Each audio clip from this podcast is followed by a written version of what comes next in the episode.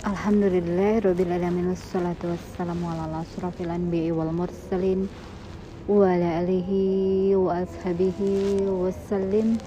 Assalamualaikum ya Rasulullah Assalamualaikum ya Habibullah. Alhamdulillah sahabat villa antil zana Assalamualaikum warahmatullahi wabarakatuh. Alhamdulillah. Sahabat villa antil zana Assalamualaikum warahmatullahi wabarakatuh Alhamdulillah sahabat villa saat ini kita akan membahas flashback kembali kepada ayat sebelumnya. Ya karena saat kita mempelajari ayat ini sungguh satu ayat dengan ayat lainnya adalah saling kait mengait saling berketersambungan.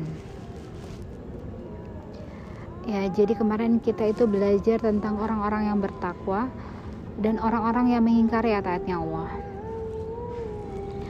Bagaimana orang-orang yang bertakwa ini mempergunakan mata hatinya, sedangkan orang-orang yang mengingkari ayat-ayatnya Allah mempergunakan mata kepalanya.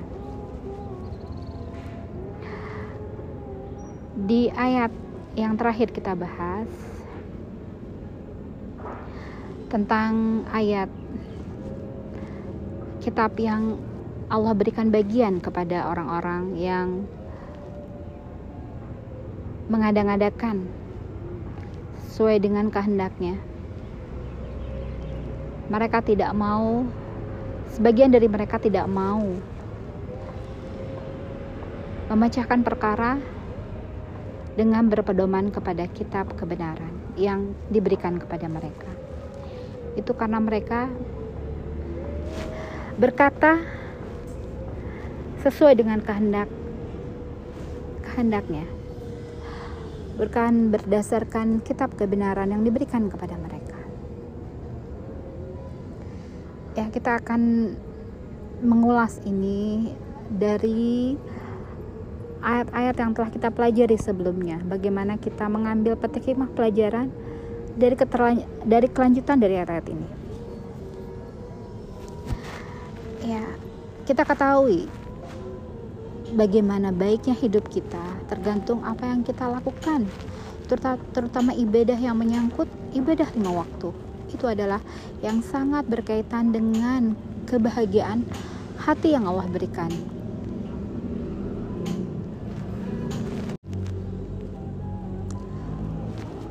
Ya jadi hari demi hari hidup yang kita lalui ini tergantung atas apa yang kita lakukan hari demi harinya tersebut apa ucapan yang kita lontarkan itu sangat berpengaruh sekali dengan kebahagiaan, ketenangan, kedamaian yang Allah berikan kepada kita. Untuk itu, selain yang selain sholat, kita juga mulai dari terus mempelajari berpedoman kepada kitab suci Al-Quran, kemudian menjaga kata-kata kita agar berkesesuaian dengan kitab yang kita jadikan pedoman yaitu Al-Quran.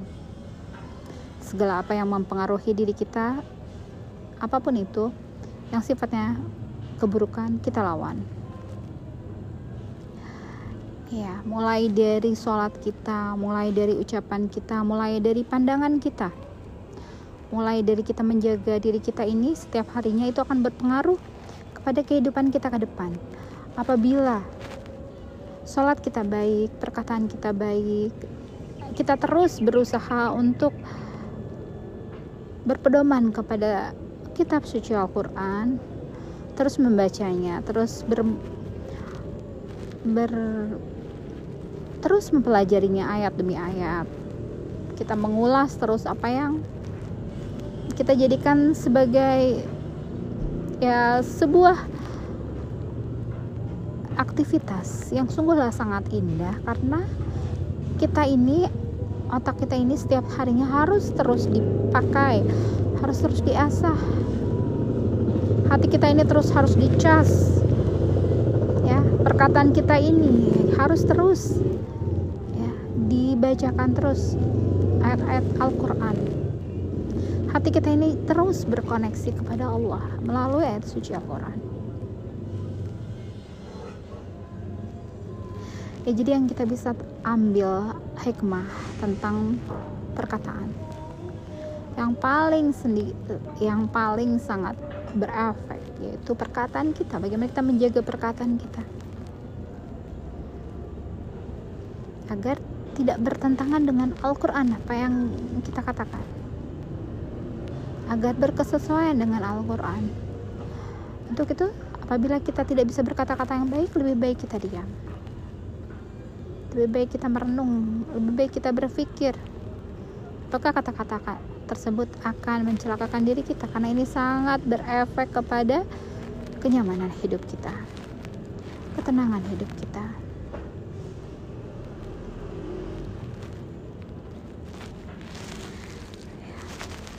Janganlah kita bertindak. Segala sesuatunya melebihi dari kapasitas Allah sebagai penguasa janganlah kita mendahului atas kandaknya Allah. Semua kita harus landaskan semuanya atas kehendaknya Allah.